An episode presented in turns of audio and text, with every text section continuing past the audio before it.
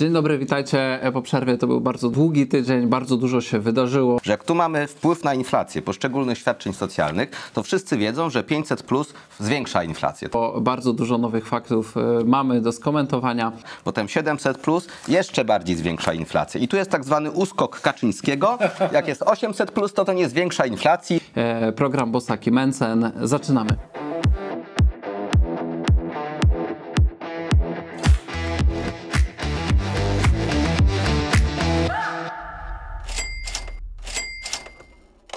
Najważniejszą wiadomością poprzedniego tygodnia, w sumie tego tygodnia, jest oczywiście konwencja programowa PiSu i nowe obietnice socjalne.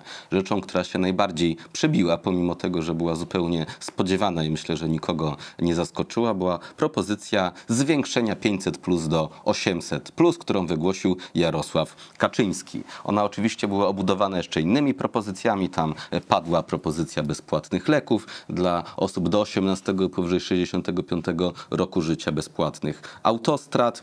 E, To potem zostało oczywiście przebite, do czego zaraz przejdziemy. W każdym razie kolejny odcinek wyścigu na to, kto da więcej. Zaczął PiS i powiedział 800 plus. I co ciekawe, zaraz po tym ogłoszeniu, że będzie 800 plus, niektóre partie, takie jak my, od razu mówiły, co na ten temat myślą, to znaczy były wyjątkowo przeciwko, ale zapadło takie wielkie milczenie. Myślę, że przez dobre kilkanaście godzin nie można się było dowiedzieć, co Platforma Obywatelska myśli na, ten, e, na to. I teraz ja się zastanawiam, z czego wynikało ten brak milczenia, ponieważ to była taka propozycja, której po prostu należało się spodziewać. Nie wiedzieliśmy, czy to będzie 700, czy 800, czy 900, czy 1000 plus, czy ogłoszą to teraz, czy może za miesiąc, ale to, że 500 plus PiS będzie chciał podnieść, było dla mnie zupełną oczywistością. Natomiast wydaje się, że ta zupełna oczywistość zaskoczyła Platformę, tak jak zima zaskakuje drogowców i po prostu nie wiedzieli, co powiedzieć. Na Twitterze była cisza, Donald Tusk się nie odezwał, w związku z czym posłowie Platformy również się nie odezwali, no bo nie wiedzieli, co powiedzieć.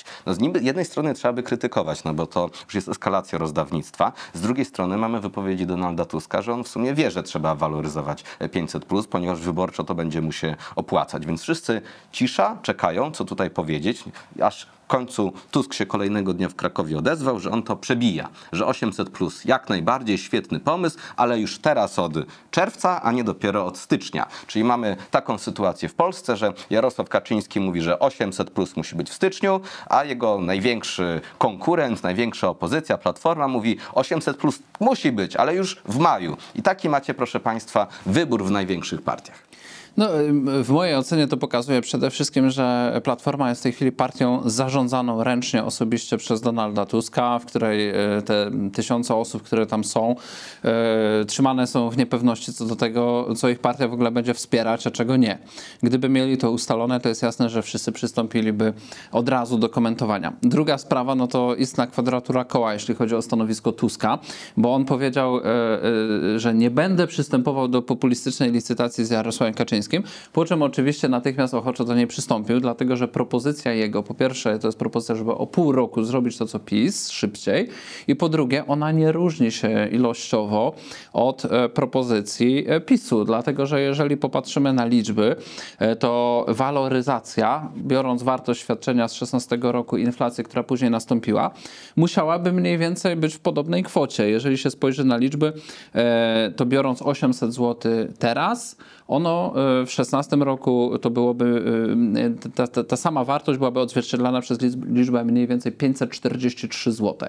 Więc jeżeli Tusk chciałby zwaloryzować, to zrobiłby to samo co PiS w tej chwili, e, tylko że pół roku wcześniej. Ale żeby być sprawiedliwym, powiedzmy, że Jarosław Kaczyński też nie jest ani trochę bardziej konsekwentny od Donalda Tuska, dlatego że jeszcze kilka tygodni, miesięcy temu miał publiczne wypowiedzi, pytany o to, czy oni zrobią 700 plus w tamtym czasie, krążyły takie przecieki, że absolutnie nie, bo to by napędzało inflację, że nie chcemy, żeby Polacy byli uzależnieni od socjalu, tylko żyli z pracy. Więc widać, że obaj ci politycy, i Kaczyński i Tusk, żonglują taką logiką, jakim wygodnie, zależnie od sytuacji, a ostatecznie e, robią e, no tak, żeby próbować tych wyborców kupować. I tu jest pytanie do wyborców, drodzy wyborcy, czy chcecie być kupowani e, za 500, za 800, e, za ile złotych? Bo ty tak mówisz o tym Kaczyńskim, bo ty nie znasz takiej bardzo znanej wszystkim ekonomistom ekonomistą, a jestem ekonomistą, więc znam, zależności ekonomicznej. To już ekonomiści bardzo dawno temu zauważyli, tutaj proszę Państwa macie wykres, zaraz go uzupełnię, że jak tu mamy wpływ na inflację poszczególnych świadczeń socjalnych, to wszyscy wiedzą, że 500 plus zwiększa inflację, tak? Potem 700 plus jeszcze bardziej zwiększa inflację. I tu jest tak zwany uskok Kaczyńskiego. Jak jest 800 plus, to to nie zwiększa inflacji i nie ma żadnego problemu. To jest, proszę Państwa, uskok Kaczyńskiego. Ekonomiści to już dawno temu znaleźli. Dzięki temu 800 nie zwiększy nam inflacji w przeciwieństwie do 700 plus oraz do 500 plus. Jeśli ktoś by sądził, że to żart albo jakieś szyderstwo, to wydaje mi się, że w proste myśl, jeżeli to nie były oczywiście fejkowe konta, wyraził jeden z posłów PiSu Kazimierz Smoli- Smoliński w polemice twitterowym, gdzie był pytany, jak się odniesie do tej wypowiedzi Kaczyńskiego, że to zwiększa inflację. Napisał, no 700 plus być może by zwiększył, ale 800 nie zwiększy. No bo on zna to, podobnie jak ci ekonomiści. To tylko my tutaj nie znamy i państwo nie znaliście, to już teraz znacie, więc proszę się nie przejmować. Inflacja jest w odwrocie, nie trzeba jej się bać. Tak, ale myślę, że warto też skomentować inne kontrpropozycje e, Donalda Tuska, e, bowiem to jest taki miszmasz retoryki, powiedziałbym, e, i przekonań właściwych dla Konfederacji i jednocześnie próby niepowiedzenia niczego konkretnego. Weźmy na przykład obligacje drożyźniane. My już od kampanii prezydenckiej, pamiętam to bardzo dobrze, bo występowaliśmy wtedy wspólnie ze Sławomirem Mencenem w Toruniu, to był chyba jeden z ostatnich naszych wieców w kampanii, postulowaliśmy, żeby znieść, likwidować podatek Belki, po to, żeby Polacy mieli zachętę do oszczędzania. E, Platforma do tego pomysłu się jakoś przyłączyć za bardzo nie chce, przynajmniej e, nic o tym nie słychać. Zamiast tego, jak rozumiem, oni są za tym, żeby zostawić podatek Belki i jednocześnie robić jakieś specjalne obligacje, które by miały zachęcać do oszczędzania po to, żeby tą inflację wygaszać. E, Swoją drogą jest to dość bliźniaczo podobne do tego, co zrobił Mateusz Morawiecki, inspirując państwowe banki, prawda, zachęcając je, a to była taka zachęta, że one ją zrealizowały, żeby podnieść oprocentowanie lokat, czy, czy właśnie e, kont oszczędnościowych. Druga rzecz to kwota wolna, o tym Tusk mówił. No i przypomnijmy, pewnie jeszcze o tym będziemy mówić w, w, osobnym punkcie naszego programu, że kwota wolna to jest hasło, które my wprowadzaliśmy od samego początku, jak się znaleźliśmy w Sejmie, e, które w tej chwili jest w projekcie ustawy o PIT, do którego pewnie dojdziemy. E, no i które teraz Platforma jakby żongluje tym hasłem, ale jak rządziła przez 8 lat, to jakoś tej kwoty wolnej nie podnosili. No, walki o kwotę wolną to są dużo dłuższe niż nasza współpraca, bo to środowiska wolnościowe, stąd ja pamiętam, to już naprawdę od wielu lat mówiły, że kwotę wolną trzeba podnieść, bo ona całymi latami była na poziomie 3000 zł rocznie, nie miesięcznie, tylko rocznie. To ciągle pokazywaliśmy przykłady najróżniejszego rodzaju niezbyt rozwiniętych jeszcze państw afrykańskich, gdzie ta kwota wolna była na znacznie wyższym poziomie niż w Polsce, a w Polsce było to nie do przekonania nikogo. Rząd cały czas utrzymywał, rząd Tuska przez 8 nie, Tuska 7 lat, Platformy przez 8 lat, że kwota wolna musi być na poziomie zaledwie 3000 zł. Potem PiS to podniósł na szczęście do 30 tysięcy i teraz Tusk to przebił do 60 tysięcy złotych, co według mnie dowodzi dwóch rzeczy. Pierwsza jest taka, że oni te pomysły, które Tusk rzuca na tych swoich spotkaniach z zwożonymi autokarami wyborcami, to on je tak rzuca sobie z głowy, w sensie jedzie na spotkanie, rozmawia ze swoim doradcą i myśli, co my tu powiemy a babciowe, szwagrowe, dziadkowe, a może zwiększymy kwotę wolną dwukrotnie. Oni tego po prostu nie liczą. Mało kto zauważył, że ta obietnica dwukrotnego zwiększenia kwoty wolnej od podatku jest najdroższą obietnicą, która w ogóle tutaj została rzucona. Ona jest droższa niż podniesienie 500 plus do 800 plus, bo to jest jakieś 25 miliardów, a ta y, Ciężko to oszacować, ale to będzie między 25 a 30 miliardów zwiększenie kwoty wolnej. To jest bardzo daleko idące yy, obniżenie podatków. Oczywiście co do zasady się zgadzam, że należy obniżać podatki, ale przede wszystkim trzeba też obniżać wydatki, a nie tylko podatki. On chce podwyższać wydatki o 25 miliardów i jednocześnie obniżać wpływy o 25 miliardów. I to przechodzę do drugiej rzeczy. To znaczy, gdy ja mówię na przykład, że należy znieść podatek belki od odsetek albo od lokat, tak żeby właśnie osoby oszczędzające nie były poszkodowane e, tym podatkiem i żeby nie brać tego podatku od ludzi, e, który, jest, który wynika tak naprawdę z inflacji, no to pytanie zawsze, a skąd na to pieniądze? Przecież nie ma. E, pokaż źródła finansowania. Kiedy tu sobie tak rzuca 50 miliardów złotych, które trzeba będzie wydać na podwyższenie kwoty wolnej oraz na zwiększenie 500 plus do 800 plus, to ja nie słyszałem pytania, a kto to sfinansuje, a skąd na to pieniądze? Tusk z Kaczyńskim mogą sobie rzucać dziesiątkami miliardów złotych i nikt o to nie pyta, a nas się pytają o pojedyncze miliardy złotych. I w sumie nawet nie, nie ma co krytykować, że nas się pytają. To, czego byśmy chcieli, to żeby wszystkich innych traktowali w ten sam sposób. A problem jest taki, że w Polsce mamy właśnie partie, e, które się e, jakby każdą ich propozycję krytycznie analizuje i mamy partie, gdzie dziennikarze jak takie cielęta po prostu powtarzają wszystko, co ich liderzy powiedzą e, z, z takim nabożeństwem, jakby ci ludzie to byli nie wiadomo jak kompetentni, nie wiadomo jak, jaki mieli wpływ na rzeczywistość. No, ekonomii się nie da oszukać. Mieliśmy tutaj prawie kwadrans trwającą sekwencję na temat zadłużania państwa w poprzednim odcinku. No i dzisiaj pozostaje tylko powiedzieć, a nie mówiliśmy. No to znaczy oni chcą brnąć w coraz większe zwiększanie e, zadłużenia państwa. Plus 24 miliardy nie wpłynie z dodatkowych podatków, choćby nie wiem ile ich wy, wymyślili, to po prostu będzie wzrost zadłużenia. Dlatego e, Morawiecki właśnie chce e, wprowadzać to rozwiązanie już po tym, jak będą wybory, bo w razie czego albo zostawi to po prostu jak taki gorący kartofel wróci, wrzuci w ręce następców, e, którzy będą musieli to realizować, a Tusk odwrotnie chce to ten gorący kartofel zwiększenia wydatków wrzucić w ręce Morawieckiego, który będzie musiał zrealizować to w trakcie kampanii wyborczej, czego doskonale wiemy, że Morawiecki robił nie będzie.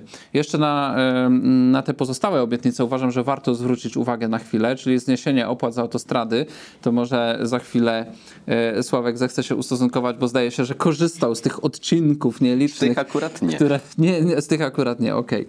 E, No to może ja się ustosunkuję, bo zdaje się, że ostatnio jechałem em, odcinkiem Konien Stryków, a zdaje się, że to miałby być jeden z tych dwóch odcinków, które byłyby zwolnione zaledwie 265 km dotyczy, 265 km dotyczy ta obietnica e, PiSu.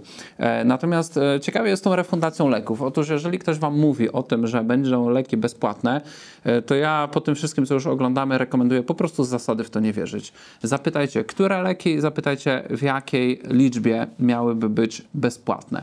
E, Dlatego, że budżet NFZ-u został ostatnio ścięty. Nie ma możliwości, żeby jednocześnie ściąć budżet NFZ-u i rozszerzyć zakres refundacji leków, e, poszerzyć dostęp do świadczeń ochrony zdrowia. To jest po prostu niemożliwe. Od kilku lat rząd pracuje nad ustawą refundacyjną, która ma w sposób niekorzystny dla Polaków zmienić zasady refundacji. E, Rząd żyje e, pod presją wielkich międzynarodowych koncernów farmaceutycznych. Dochodzą do nas informacje o artykułach nowej ustawy refundacyjnej, które są właśnie korzystne dla międzynarodowych koncernów, a nie korzystne dla firm produkujących leki w Polsce. I będziemy pewnie o tym mówić w osobnym odcinku, jak oni tą ustawę wreszcie z siebie wyplują i przyślą do Sejmu. A na razie sygnalizuję e, temat, że my po prostu w to nie wierzymy. E, Moim zdaniem, e, nawet jeżeli jakiś jeden lek okaże się bezpłatny, to finalnie Polacy będą na tych zmianach, które PiS robi do tyłu, bo w NFZ-cie, wbrew temu, co zapowiadali w trakcie pandemii, jest mniej pieniędzy, bo kasa im się skończyła. Z tymi autostradami to też niestety nie wygląda tak różowo, jakby się wydawało, bo my główne problemy z płatnymi autostradami to mamy na tych em, odcinkach, które państwo kiedyś oddało różnego rodzaju prywatnym firmom. I to kierowcy podróżujący na trasie na przykład Kraków-Katowice czują się wyjątkowo łupieni, albo kierowcy jadący z Poznania do Łodzi również czują się łupieni. Dla, I tam niestety te opłaty zostaną. One darmowe mają być pomiędzy Koninem Strykowem jeszcze na jakimś odcinku A4 zdaje się. Gliwice Wrocław. Gliwice, Wrocław. O, to już trochę dłuższy odcinek. W każdym razie najgorsze, gorzej przeze mnie wspominane niestety odcinki autostrady dalej będą płatne, za to oczywiście się cieszę cały czas, że odcinki, którymi się bez przerwy poruszam, czyli Toruń, Warszawa przez Łódź są darmowe i mam nadzieję pozostaną darmowe jak najdłużej, bo gdyby ktoś tam w końcu jakieś opłaty zaczął pobierać, to musiałbym płacić do Skarbu Państwa znacznie więcej niż jest to potrzebne. A ja dodam jeszcze, że tak jak nie ma darmowego lunchu, tak samo nie ma darmowej autostrady. Jeżeli ktoś wam zapowiada, że autostrada będzie darmowa, to znaczy, że zapłacicie za to w podatkach. Ci, którzy tutaj y, od podatków nie mogą uciec, zapłacą za wszystkich, którzy korzystają z dróg. I do, dorzuciłbym jeszcze argument, y, może nieoczywisty dla niektórych, że propozycja PiSu nie tylko jest pozorna w tym sensie, że w kamieniach milowych zobowiązali się do wprowadzenia dr- dróg, opłat za drogi ekspresowe. Duża część autostrad jest prywatnych i oczywiście y, nie mają żadnego pomysłu, jak tych tak zwanych koncesjonariuszy, e, jak się z nimi dogadać e, i kto miałby za to płacić. Natomiast przede wszystkim ona jest niekorzystna dla Polaków, a korzystna dla wszystkich cudzoziemców, którzy tranzytem jadą przez Polskę. No bo jeżeli autostrady będą bezpłatne, to oni wówczas e, tych kosztów nie ponoszą, a my, którzy tu mieszkamy, będziemy ponosić 100% kosztów. Więc widać, że jest to typowa kiełbasa wyborcza i moim zdaniem ona pokazuje jedną rzecz. Ona pokazuje skuteczność Konfederacji. To znaczy, tak jak Tusk odgrzewa w tej chwili hasło kwoty wolnej, e, tak samo PiS e, zauważył, że nasza krytyka ich antysamochodowych rozwiązań przebija się, że ludzie są coraz bardziej źli, że oni chcą ograniczać możliwość poruszania się samochodami, podnosić koszty, że dali prezydentom dużych miast e, narzędzia prawne do tworzenia stref zakazu wjazdu dla trochę starszych aut. E, To się zaczyna przebijać, to zaczyna odstraszać wyborców, więc oni chcą przełamywać ten stereotyp. Nie pozwólmy im na to. To są oszuści, to są hipokryci. Oni zrobili bardzo wiele rzeczy niekorzystnych dla zwykłych Polaków, e, których nie stać na nowe auto elektryczne, którzy muszą do miasta dojechać w różnych celach. Nie pozwólmy tym hipokrytom, żeby się teraz lansowali na przyjaciół kierowców. I powoli e, przechodzimy do kolejnego e, tematu. Rosyjska rakieta e, wleciała do Polski i choć nie wybuchła, to wybuch mieliśmy opóźniony w polityce, e, detonację polityczną, można by powiedzieć, e, która uzewnętrzniła chyba wszystkie słabości polskiego systemu obronnego, o których wcześniej wiedzieliśmy, ale nie mówiliśmy. To znaczy doszło do wielkiej kłótni na szczytach e, hierarchii e, obronnej pomiędzy ministrem obrony narodowej, generałami. Pośrednio też w tą kłótnię zaangażował się prezydent poprzez dosyć takie szorstkie oświadczenie Biura Bezpieczeństwa Narodowego. E, I stając koło generałów, których e, minister obrony narodowej najchętniej by zdymisjonował. A o co cała ta afera? O to, że przez wiele miesięcy e, ukrywane było przed opinią publiczną, że do Polski wleciała rosyjska rakieta CH-55. E, Nie byle jaka rakieta, to nie balon jak z nad Białorusi. To rakieta, która ma 6 metrów długości i która może przenosić ładunki nuklearne o sile 13 razy większej niż ten, który spadł na Hiroshimę. Powstały na ten temat różne żarty, natomiast sytuacja wesoła nie jest, bo ona po prostu pokazała, e, że to, co nazywa się e, pętlą decyzyjną na szczytach naszej hierarchii wojskowej po prostu nie działa prawidłowo i jeżeli to była forma testowania polskiego systemu obronnego, to ten test wypadł niestety w, w bardzo smutny sposób, pokazując wszystkie słabości. Dla mnie nawet nie jest tak wielkim problemem, że ta rakieta przyleciała, bo niestety systemy obrony przeciwlotniczej tak są skonstruowane, że zajmują się strategicznymi miejscami.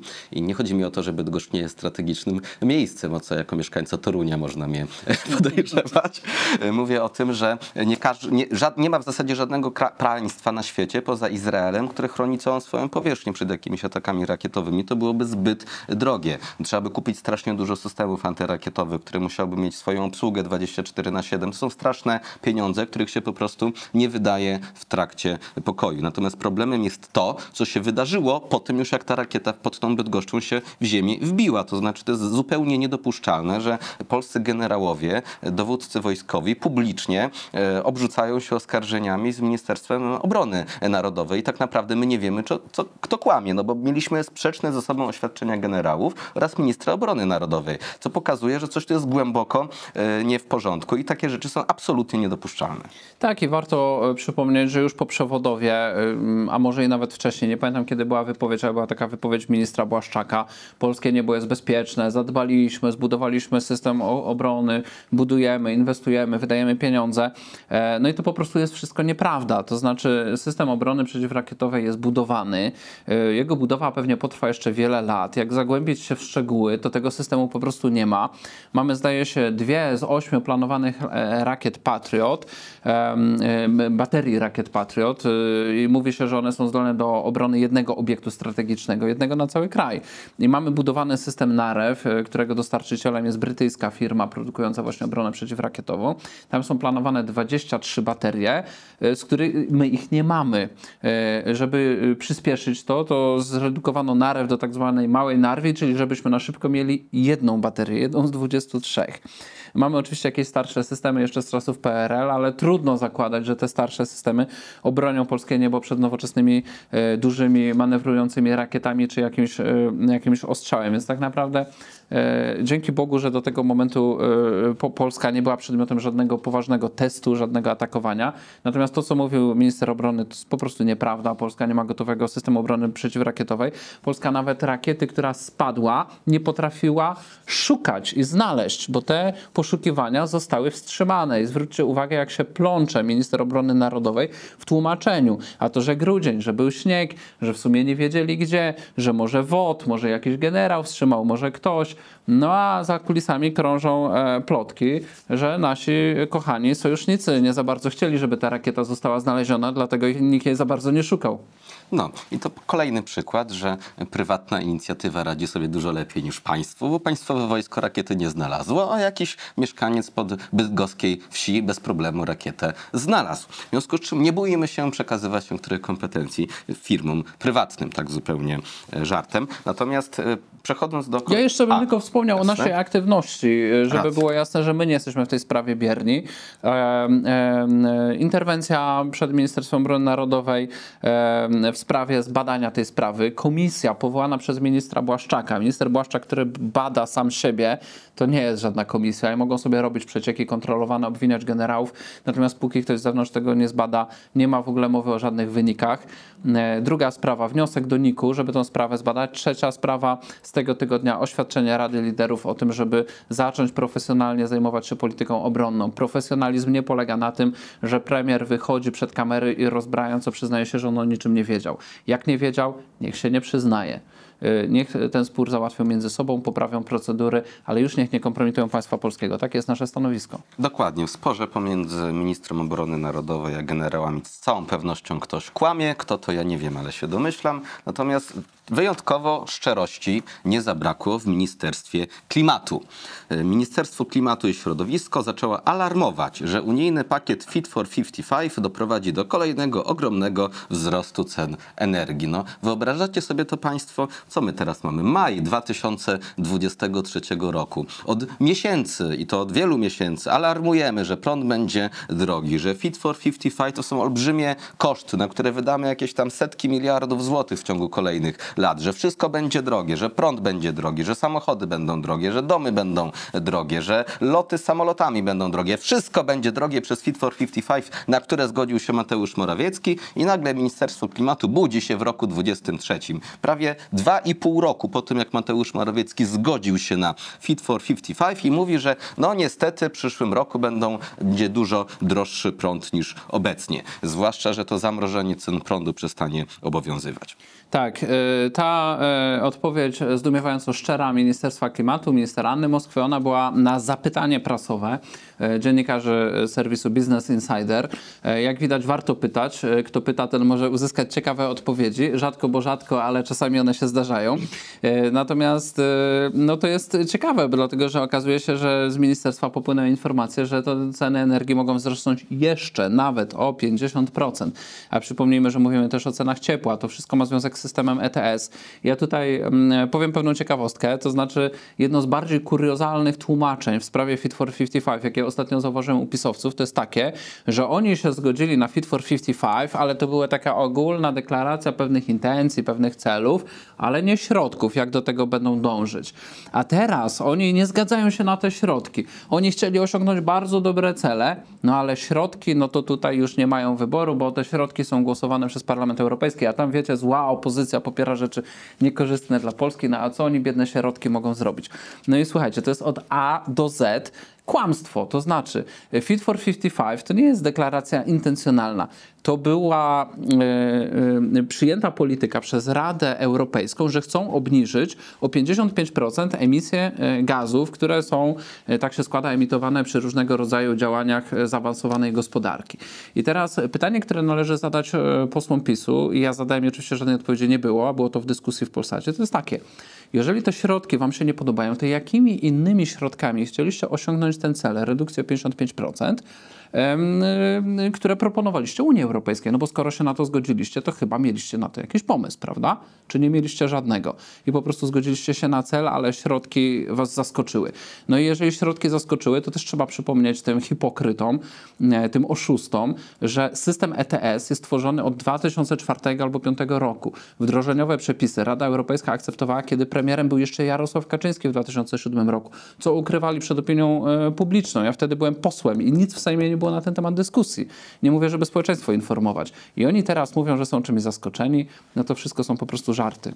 Ale faktem też jest, i tu trzeba zacząć bronić rządu PiSu, uwaga, bronię rząd PiSu, żebyście potem mieli co wycinać z kontekstu, że nie cały rząd powtarza te kłamstwa. Bo to Mateusz Morawiecki cały czas kłamie, zaprzecza, że nie, my nie mogliśmy tego zablokować. Natomiast jak się zapyta na przykład Zbigniewa Ziobry, to on mówi, że rząd PiSu mógł to zablokować, natomiast nie zablokował. Zdaje się, że ostatnio nawet pani e, premier Beata Szydło również powiedziała, że PiS mógł to e, zablokować. No to Więc zdania są podzielone w rządzie To ta, PiSu. ja bym powiedział, że to tak idzie po podziałach frakcyjnych. No, to znaczy, że jest tak, tam z tej tak. frakcji, co nie lubi Mateusza Morawieckiego i tęskni za fajną panią premier Beatą, to oni mówią, że Morawiecki zły i że mógł blokować, a nie chciał.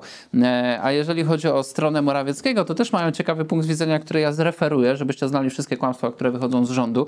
My sobie kolekcjonujemy, analizujemy, bo taka jest nasza praca, ale wy przecież nie musicie tego śledzić, bo to w sumie jest dość nudne. E, Niemniej jednak warto wiedzieć, e, jak oni kłamią. Mianowicie minister Jabłoński, wiceminister spraw zagranicznych, który jest kojarzony z premierem Morawieckim, wcześniej mu doradzał, a później został wiceministrem, e, zaprezentował taką oto linię, że tak, wprawdzie Mateusz Morawiecki mógł się nie zgodzić na Fit for 55, ale kompletnie nic by to nie zmieniło, bo te wszystkie szczegółowe rzeczy, które robią, oni i tak mogliby później pouchwalać. No bardzo ciekawa logika. Zgodzić się na cel, z którym się nie zgadza, dlatego że i tak później przepisy wdrożeniowe poszłyby w tą samą stronę. Może by poszły, może by nie poszły. Pytanie skąd to wie wiceminister Jabłoński. Ale to jest dokładnie ta sama sprawa jak przy KPO. Oni też tam wtedy się bronili, że musieli się na to zgodzić, bo gdybyśmy my jako Polska się nie zgodzili na nowe podatki, na nowe zadłużanie i na, ten, na to całe KPO dla wszystkich państw Unii Europejskiej, to oni tak by do tego doprowadzili. I teraz są tylko dwie możliwości. Albo kłamią, albo mówią prawdę. A jeżeli mówią prawdę i traktat lizboński pozwala na takie cyrki, to znowu kto się zgodził na traktat lizboński i niespodzianka znowu pisowcy. W związku z czym oni nie są w stanie się z tego wyłgać w żaden sposób. Yy, mi ten ich cała ta ich konstrukcja myślenia to przypomina marksistów, bo marksiści mieli takie podejście, które nazywało się chyba determinizm dziejowy, czyli krótko mówiąc ludzkość zmierza ścieżką postępu.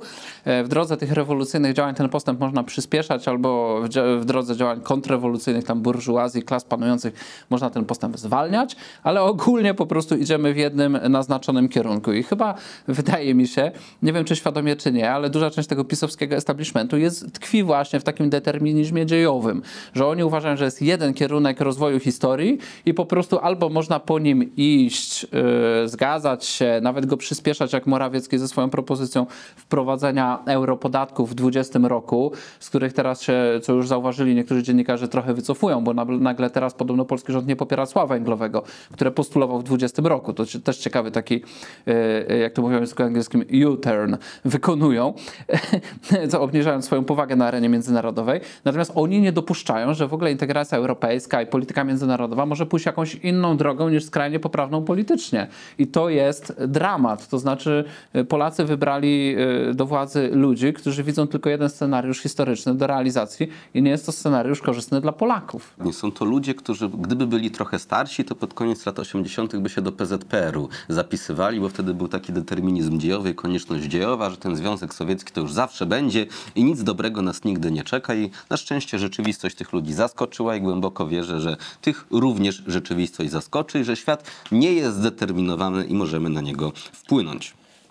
Kolejny temat, który nabiera coraz większego w internecie rezonansu, to kontrowersja wokół tego, jak długo muszą w Polsce pracować Ukraińcy, żeby pobierać polską emeryturę minimalną.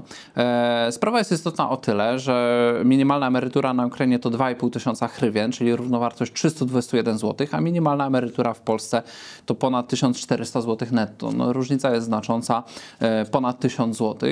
E, w Polsce mamy w tej chwili już zarejestrowany milion obcokrajowców w ZUS-ie, z czego 3 czwarte czwarte to Ukraińcy. No i e, media ignorowały temat, e, który podnosili internauci, w tym nasz kandydat do Sejmu Grzegorz Płaczek, e, który dzwonił do lokalnych delegatur ZUS-u i pytał, jak to jest i uzyskiwał, uzyskiwał informację, że nie ma limitu czasu pracy w Polsce. Po prostu trzeba się legalnie do tej pracy tutaj zatrudnić, można popracować chociaż jeden dzień, wchodzi się w system ZUS-owski i nabywa prawa do minimalnej emerytury. Tymczasem, co ciekawe, e, Maląg zdaje się o tym nie wiedzieć i twierdzi, że to jest fake news, ale stosuje taką dosyć ciekawą e, strategię dementowania fake newsa, że zamiast odnieść się do kontrowersji, to eksponuje e, wygodne dla siebie fakty. Na przykład taki fakt, że potrzebny jest staż pracy i zamieszkiwanie w Polsce. Co do tego, czy ten staż pracy będzie na Ukrainie, czy w Polsce już się nie odnosi. Co do tego, kto sprawdza w ogóle to zamieszkiwanie w Polsce, też się nie odnosi. A przypomnijmy, że przecież już w tej chwili mamy potwierdzone, że było wyłudzane 500, że ZUS nie może odzyskać tych wyłudzanych świadczeń, em, e, a z badań sondażowych wychodzi, że zaledwie co piąty Polak popiera to, żeby rozszerzać system 500 czy 800 na obywateli Ukrainy. On, on na marginesie już jest rozszerzony, PiS to zrobił. Natomiast ta umowa, o której tutaj mówimy, to chyba była jeszcze zawierana przez Platformę. No właśnie, to jest najciekawsza sprawa, bo już Państwo na pewno byli przekonani, że tak zwykle pisowcy podpisali taką korzystną dla Polski umowę, na podstawie której jeżeli Ukrainiec przepracuje w Polsce jeden dzień, to dostanie polską emeryturę, ale jeżeli symetrycznie. Polak przepracuje jeden dzień na Ukrainie, to dostanie ukraińską emeryturę, no przy czym cztery razy niższą, więc tą e, asymetryczną tak naprawdę e, i niespotykaną, tak mi się wydaje, pomiędzy poważnymi państwami. O podobnej różnicy w dochodach umowę podpisali jeszcze platformersi w roku 2012, a tylko PiS tą umowę podtrzymuje i nic nie robi, żeby jej nie było, więc to mamy kolejne dziecko popisu. Jak Państwo widzicie, mamy tutaj bardzo dużą zbieżność programową pomiędzy Platformą i PiSem. Jedni i drudzy będą się licytować, kto da więcej, czy 500 plus, czy 800 plus. I jedni i drudzy uważają, że dobrze jest, jeżeli polski system emerytalny weźmie sobie jeszcze na plecy pół Ukrainy. A sprawa tak naprawdę chyba nie stałaby się do tego momentu popularna, mimo że szereg osób ją po, e, podnosiło, gdyby nie ukraińska TikTokerka, która po prostu nagrała e, instrukcje dla swoich e, rodaków, jak to zrobić, żeby tą minimalną emeryturę w Polsce uzyskać. Привіт, друзі! Гарна новина. Є позитивне рішення від ЗУСу на отримання польської мінімальної пенсії для українців зі статусом УКР. Польська мінімальна пенсія це 1588 злотих брутто щомісяця. Хочу зразу сказати, що рішення безстрокове, тобто ось рішення прийнято, і ви далі вже будете отримувати польську пенсію незалежно де ви знаходитесь. Чи в Польщі, чи повертаєтесь в Україну, чи десь в інші країни будете знаходитись. Ось така гарна новина. krok po kroku wytłumaczyła i dopiero kiedy ona to zrobiła, a ten film zaczął się robić bardzo popularny najpierw w ukraińskim, później w polskim internecie, nagle okazało się, że można się zająć tą sprawą. Kiedy wcześniej podnosili ją nasi działacze, nasi politycy, to nikogo to nie interesowało. E, i jak rozumiem wszyscy wierzyli w zapewnienia e, ministerstwa, że to po prostu zwyczajnie nieprawda, a zdaje się, że Grzegorzowi Płaczkowi ZUS nawet odmówił informacji, twierdząc, że to nie jest informacja publiczna, kto i na jakich prawach nabywa emeryturę i po prostu mu zwyczajnie nie powiedzą. Dlatego my w tej sprawie złożymy specjalne zapytania do ZUS-u, e, będziemy ustalać jaka jest prawda e, i będziemy was o tym informować, bo to nie jest sprawa błaha. Jeżeli ktoś całe życie pracuje w Polsce i tutaj uzyska emeryturę, całe życie płaci tutaj składki, całe życie płaci tutaj podatki, no to to jest inny temat. Natomiast jeżeli ktoś tu przyjedzie po to, żeby się zarejestrować, to to jest po prostu zwykłe wyłudzanie świadczeń nawet jeżeli głupi rząd Platformy podpisał taką umowę, a głupi rząd PiSu jej nie wypowiedział, to nie ma na to naszej zgody. Tak, natomiast ja osobiście nie mam tu wielkich pretensji do Ukraińców. No Polacy, gdyby mieli możliwość przepracowania jednego dnia w Niemczech i podwyższenia swojej emerytury czterokrotnie, to też by to zrobili, tak? To nie ukrywajmy, to już autobusy z Polski by jeździły do Niemiec Tylko na to nie usprawiedliwia takiego Oczywiście, że nie, no ja nie mówię, że Bo wiele jest osób, które przychodzi i mówi, no a Polacy też wyjeżdżali, a teraz macie pretensje. Tak jakby istniało coś w rodzaju globalnej sprawiedliwości, wzajemnego wyłudzania świadczeń i przywilejów. No ale Polacy nie wyłudzali w ten sposób, bo na Zachodzie trzeba było wiele lat przepracować. To Polska tylko taką mądrą umowę podpisała, że jeden dzień wystarczy Być może gdzieś były luki, ale y, zachodnie systemy sobie te luki pozamykały. I dokładnie to samo powinniśmy zrobić my, bo obowiązkiem polskich polityków jest działać w interesie Polaków, a nie w interesie całego świata. I to najwyraźniej często ludziom, którzy stoją na, cze- na czele państwa polskiego, się po prostu zwyczajnie myli. Tak, zdecydowanie zadaniem polskich polityków nie jest martwienie się o cały świat, a martwienie się o Polskę oraz e, Polaków. I tu przechodzimy płynnie do kolejnego frontu walki o przyszłość e, świata, to znaczy wchodzą nowe podatki od plastiku, bo jak wszystkim powszechnie wiadomo, plastik jest strasznym zagrożeniem dla przyszłości świata, w szczególności ten plastik z Europy, bo jak wiadomo, plastik z Azji, plastik z Afryki, który wala się po całym świecie, to w ogóle nie jest żadne zagrożenie. To my tutaj, Europejczycy, najbardziej śmiecimy i najbardziej plastikiem zatruwamy morza i oceany, w szczególności bardzo zaśmiecony ocean spokojny oraz indyjski. Więc weszła, niestety wchodzą nowe regulacje, które nie tylko wprowadzają nowe podatki, ale też wprowadzają po prostu zakazy. To znaczy przechodzi ustawa, która zakazuje wprowadzania do obrotu produktów jednorazowego użytku z tworzyw sztucznych, to jest patyczków higienicznych, sztućców, talerzy, słomek, mieszadełek do napojów, e, mocowanych do balonów, patyczków, pojemników na żywność i na napoje, kubków na napoje z polisterynu ekspandowanego, cokolwiek to jest. Jeżeli ktoś złamie ten zakaz, to grozi kara do pół miliona złotych, a do tego nowa opłata dla konsumentów. Jeżeli ktoś z Was kupi coś w jednorazowym opakowaniu, to trzeba będzie doliczyć do tego opłaty w wysokości maksymalnej 1 zł oraz nowe podatki za wprowadzanie przez przedsiębiorców e, takich e, produktów do obrotu. Tak, te opłaty zdaje się mają wynosić 20 groszy za kilogram i warto podkreślić, że e, zakaz, e, to, to wszystko o czym mówi Sławek przede wszystkim to już przeszło, prze- przeprowadzone przez Sejm, to już e, weszło w życie. Czekamy teraz na wymiar kary, prawda, na, na to, żeby rząd nam wyznaczył dokładnie jakie tutaj będziemy płacić e, dodatkowe opłaty i warto zwrócić uwagę, że to jest tylko jeden z elementów całej układanki różnego rodzaju utrudnień życia no, tym, którzy korzystają z dóbr e, wynikających ze stopnia zaawansowania naszej cywilizacji, e, czyli państwo już płaci podatek od plastiku, który e, trafia do budżetu Unii Europejskiej, nie do polskiego budżetu. E, Wprowadzany jest e, teraz ten e, dodatkowe karne opłaty za opakowania, zakazy różnego rodzaju, opłaty dla przedsiębiorców, a jeszcze nas czeka w blokach startowych wprowadzenie systemu kaucyjnego za opakowania jednorazowe. E, Nie wiem, czy ktoś jeszcze to pamięta, ale kiedyś e, dużo sprzedawano w latach 90. to było jeszcze butelek, e, sz- napojów w szklanych butelkach i był system kaucyjny i do tego wrócimy, ale nie za szklane butelki, które są wielokrotnego użycia, tylko za butelki plastikowe, które są jednorazowe. Będziemy płacić kaucję, sklepy będą musiały to wszystko od nas odbierać, a rząd w tej chwili bije się z myślami, jak to Polakom wytłumaczyć i wstrzymują ustawę, którą już w tej sprawie przygotowali, ale jakoś nie mają za bardzo odwagi przysłać jej do Sejmu. Czyli jak mam taki wór z jakimiś tam butelkami starymi, które trzeba segregować i wyrzucić do śmieci, teraz ten wór co do sklepu mam odnieść? Dokładnie tak właśnie będzie. Sklepy teraz zajmą się, zamiast sprzedawaniem e, atrakcyjnych produktów, to się sklepy będą musiały zająć zgodnie z wolą Unii Europejskiej odbieraniem od nas śmieci. Bardzo dobry pomysł. Nie są szczęśliwe z tego powodu, mówiąc delikatnie. No, ja myślę, to nie no, jest ich core jak wchodzę do sklepu, nie chciałbym zobaczyć tam jakieś góry śmieci, które ludzie będą odnosili do sklepu. A najbardziej podobno boją się właśnie tych cięższych, czyli butelek szklanych, bo tam mają odbierać opakowania aluminiowe, odbierać opakowania plastikowe, odbierać opakowania szklane. No, w innych państwach co ciekawe już to działa, więc nawet można się przyglądać i, i nawet można wyceniać, ile to wszystko będzie kosztowało. Y, To będzie y, poza tym, że mamy w tej chwili system dystrybucji towarów w gospodarce, mamy system odbioru śmieci, będzie trzeba zorganizować trzeci y, w całej gospodarce system y, dystrybucyjno-logistyczny, który będzie się zajmował odbieraniem tych kaucyjnych opakowań ze wszystkich sklepów w kraju. To wygląda tak, jakby ktoś tam siedział i się zastanawiał, a jak to jeszcze im życie utrudnić? Co jeszcze zrobić, żeby chodzili poddenerwowani? No za każdym razem, jak piję coś przez tą jednorazową słomkę, która mi rozmięka, ponieważ jest trochę dłużej w tym, e, w tym napoju, to myślę, kto to wymyślił? Po cholerę coś takiego. Czemu komuś przeszkadza, że w normalny sposób chcę wypić jakąś lemoniadę czy cokolwiek innego? No, z czym oni problem mają? Tak, e, tak to wygląda. No, e, do, dobra, dobra strona, jeżeli możemy pożartować, to, że powstaną przy tym nowe miejsca pracy. Świetny, świetny. E, wracając jeszcze troszeczkę do wątków ukraińskich, e, poruszaliśmy mocno temat kryzysu zbożowego. Nie będziemy chyba już kolejny raz tego drążyć. Wiecie z grubsza o co chodzi.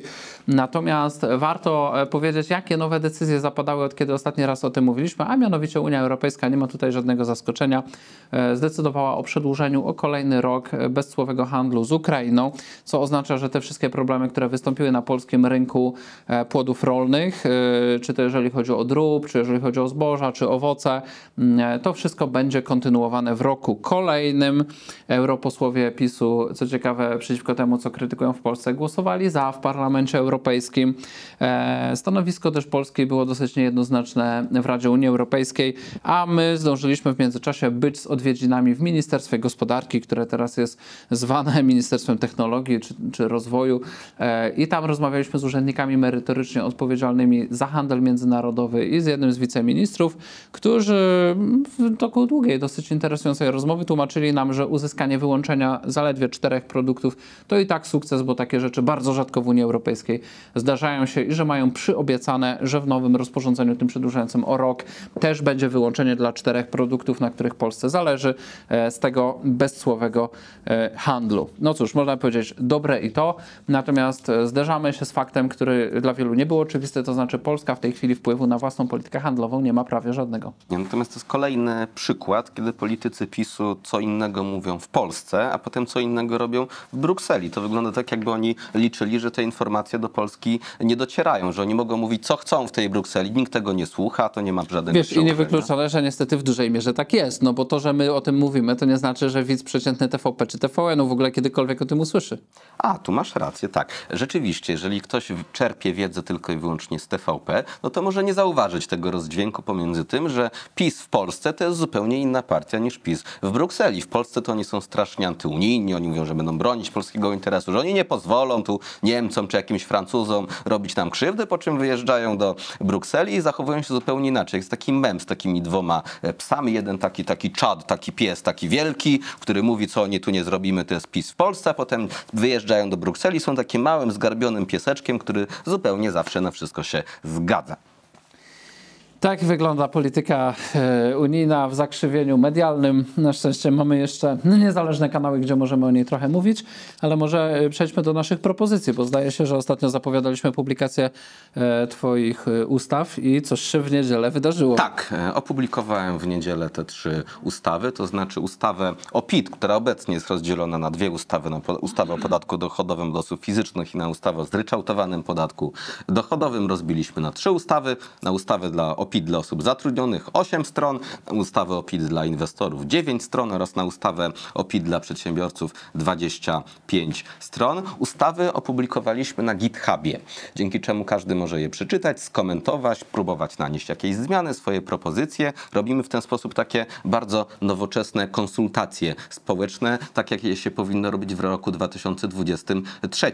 No bo w średniowieczu to robiono tak, że publikowano jakąś ustawę, potem ludzie mogli listownie się do niej e, odnieść, nikt tych listów nie czytał, no bo po co? I w ten sposób Nowy Ład na przykład powstał. My to robimy nowocześnie, każdy z Państwa może tą ustawę skomentować, zwrócić uwagę nam na jakieś błędy. Już kilka takich małych technicznych błędów zostało znalezionych. Ludzie nam na tym GitHubie to zgłosili, dzięki czemu na bieżąco je e, poprawiamy i mam nadzieję, że już bardzo niedługo te ustawy będą gotowe, a potem wrzucimy tam jeszcze ustawę o CIT, o VAT, o składkach, ale wszystko będzie robione tym samym trybem, czyli GitHub, przez GitHuba po to, żeby jak najszybciej wszystkie błędy wyłapywać. Może warto dodać, bo nie przecież wszyscy muszą wiedzieć, że GitHub to jest taka, jeżeli dobrze powiem, społecznościówka dla programistów, e, gdzie informatycy rozwijając oprogramowanie mogą wrzucać kolejne wersje kodu, który piszą, porównywać, nawzajem wychwytywać swoje błędy. I to jest dosyć ciekawe, dlatego że to narzędzie niezależnie wokół Konfederacji kilka osób wskazały jako dobre miejsce, gdzie my moglibyśmy wrzucać swoje projekty. E, Do mnie jeden ze znajomych zwracał się z takim pomysłem, niezależnie od tego Sławek sam albo jego e, wpadli na pomysł, żeby to tam umieścić. I jest to bardzo innowacyjny ruch, e, który chyba w Polsce zrobiliśmy jako pierwsi. Oczywiście, że zrobiliśmy jako pierwsi, bo tylko my myślimy przyszłościowo. W przeciwieństwie do PiSu i Platformy nie żyjemy sporami z lat 80. czy z lat 90., tylko patrzymy na przyszłość. Konfederacja jest partią przyszłości i wprowadzamy nowoczesne rozwiązania. Chociażby właśnie ta prosta ustawa o PIT, która zakłada przede wszystkim kwotę wolną w wysokości dwunastokrotności minimalnego wynagrodzenia za pracę.